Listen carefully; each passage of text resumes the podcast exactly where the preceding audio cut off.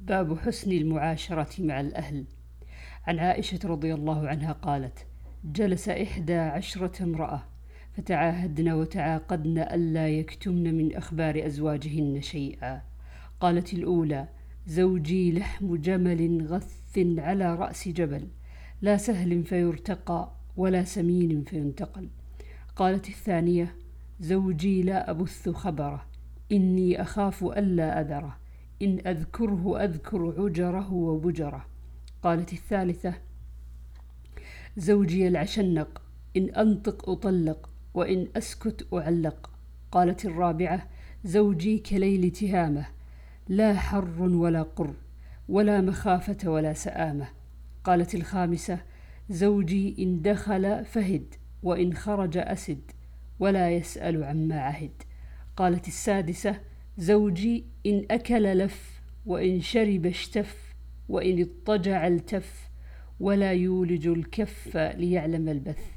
قالت السابعة زوجي غياياء أو عياياء طباقاء كل داء له داء شجك أو فلك أو جمع كلا لك.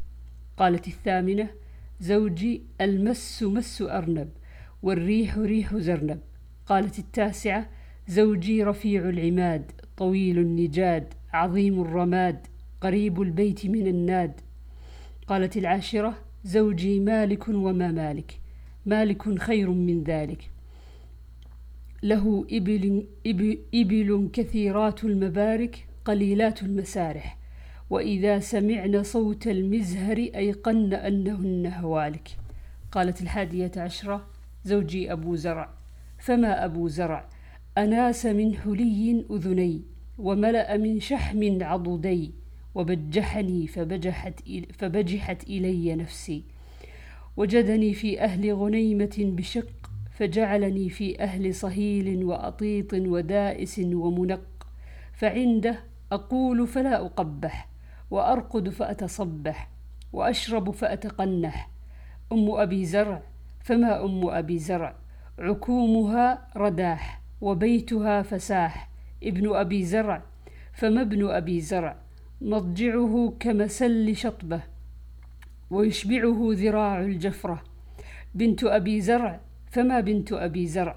طوع أبيها وطوع أمها وملء كسائها وغيظ جارتها. جارية أبي زرع فما جارية أبي زرع؟ لا تبث حديثنا تبثيثا ولا تنقث ميرتنا تنقيثا. ولا تملأ بيتنا تعشيشا. قالت خرج أبو زرع والأوطاب تمخض فلقي امرأة معها ولدان لها كالفهدين يلعبان من تحت خصرها برمانتين فطلقني ونكحها فنكحت بعده رجلا سريا ركب شريا وأخذ خطيا وأراح علي نعما ثريا وأعطاني من كل رائحة زوجا. وقال كلي أم زرع وميري أهلك. قالت فلو جمع كل شيء أعطانيه ما بلغ أصغر آنية أبي زرع. قالت عائشة قال رسول الله صلى الله عليه وسلم كنت لك كأبي زرع لأم زرع. قال سعيد بن سلمة قال هشام ولا تعشش بيننا بيتنا تعشيشا. قال أبو عبد الرحمن عبد الله وقال بعضهم فأتقمح. بالميم وهذا أصح. عن عائشة قالت كان الحبش يلعبون بحرابهم فيسترني رسول الله صلى الله عليه وسلم وأنا أنظر. فما زلت أنظر إليه حتى فما زلت أنظر حتى كنت أنا أنصرف. فاقدروا قدر الجارية الحديثة السن تسمع له. باب موعظة الرجل ابنته لحال زوجها. عن ابن عباس رضي الله عنهما قال لم أزل حريصا على أن أسأل عمر بن الخطاب عن المرأتين من أزواج النبي صلى الله عليه وسلم. اللتين قال الله تعالى إن تتوبا إلى الله فقد صغت قلوبكما. حتى حج وحججت معه وعدل وعدلت معه بإداوة فتبرز ثم جاء فسكبت على يديه منها فتوضأ. فقلت له يا أمير المؤمنين من المرأتان من أزواج النبي صلى الله عليه وسلم اللتان قال الله تعالى إن تتوبا إلى الله فقد صغت قلوبكما. قال وأعجبا لك يا ابن عباس. هما, حفص هما عائشة وحفصة. ثم استقبل عمر الحديث يسوقه. قال كنت أنا وجار لي من الأنصار في بني أمية بن زيد وهم من عوالي المدينة. وكنا نتناوب النزول على النبي صلى الله عليه وسلم فينزل يوما وأنزل يوما حتى إذا نزلت جئته بما حدث من خبر ذلك اليوم من الوحي أو غيره وإذا نزل فعل مثل ذلك. وكنا معشر قريش نغلب النساء فلما قدمنا على الأنصار إذا قوم تغلبهم نساؤهم فطفق نساؤنا يأخذن من أدب نساء الأنصار فصخ فصخبت علي امرأتي فراجعتني فأنكرت أن تراجعني. قالت ولم تنكر أن أراجعك؟ فوالله إن أزواج النبي صلى الله عليه وسلم ليراجعنه وإن إحداهن لتهجره اليوم حتى الليل فأفزعني ذلك فقلت لها قد خاب من فعل ذلك منهن ثم جمعت علي ثيابي فنزلت فدخلت على حفصة. فقلت لها أي حفصة؟ أتغاضب إحداكن النبي صلى الله عليه وسلم اليوم حتى الليل؟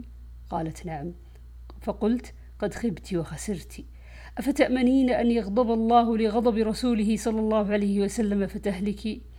لا تستكثري النبي صلى الله عليه وسلم ولا تراجعيه في شيء ولا تهجريه وسليني ما بدا لك ولا يغرنك أن كانت جارتك أوضأ منك وأحب إلى النبي صلى الله عليه وسلم يريد عائشة. قال عمر وكنا قد تحدثنا أن غسان تنعل الخيل لتغزونا فنزل صاحب الأنصاري يوم نوبته فرجع إلينا عشاء فضرب بابي ضربا شديدا وقال أثمه؟ ففزعت فخرجت إليه فقال قد حدث اليوم أمر عظيم. قلت ما هو؟ أجاء غسان؟ قال لا بل أعظم من ذلك وأهول. طلق رسول الله صلى الله عليه وسلم نساءه. قال عبيد بن حنين سمع ابن عباس عن عمر فقال اعتزل النبي صلى الله عليه وسلم أزواجه. فقلت خابت حفصة وخسرت. قد كنت أظن هذا يوشك أن يكون. فجمعت علي ثيابي فصليت صلاة الفجر مع النبي صلى الله عليه وسلم. فدخل النبي صلى الله عليه وسلم مشربة له فاعتزل فيها. ودخلت على حفصة. فإذا هي تبكي. فقلت ما يبكيك؟ لم أكن حذرتك هذا. أطلقكن النبي صلى الله عليه وسلم. قالت لا أدري. ها هو ذا معتزل في المشربة. فخرجت فجئت إلى المنبر. فإذا حوله رهط يبكي بعضهم. فجلست معهم قليلا. ثم غلبني ما أجد. فجئت المشربة التي فيها النبي صلى الله عليه وسلم. فقلت لغلام له أسود. استأذن لي عمر فدخل الغلام فكلم النبي صلى الله عليه وسلم ثم رجع فقال كلمت النبي صلى الله عليه وسلم وذكرتك له فصمت. فانصرفت حتى جلست مع الرهط الذين عند المنبر.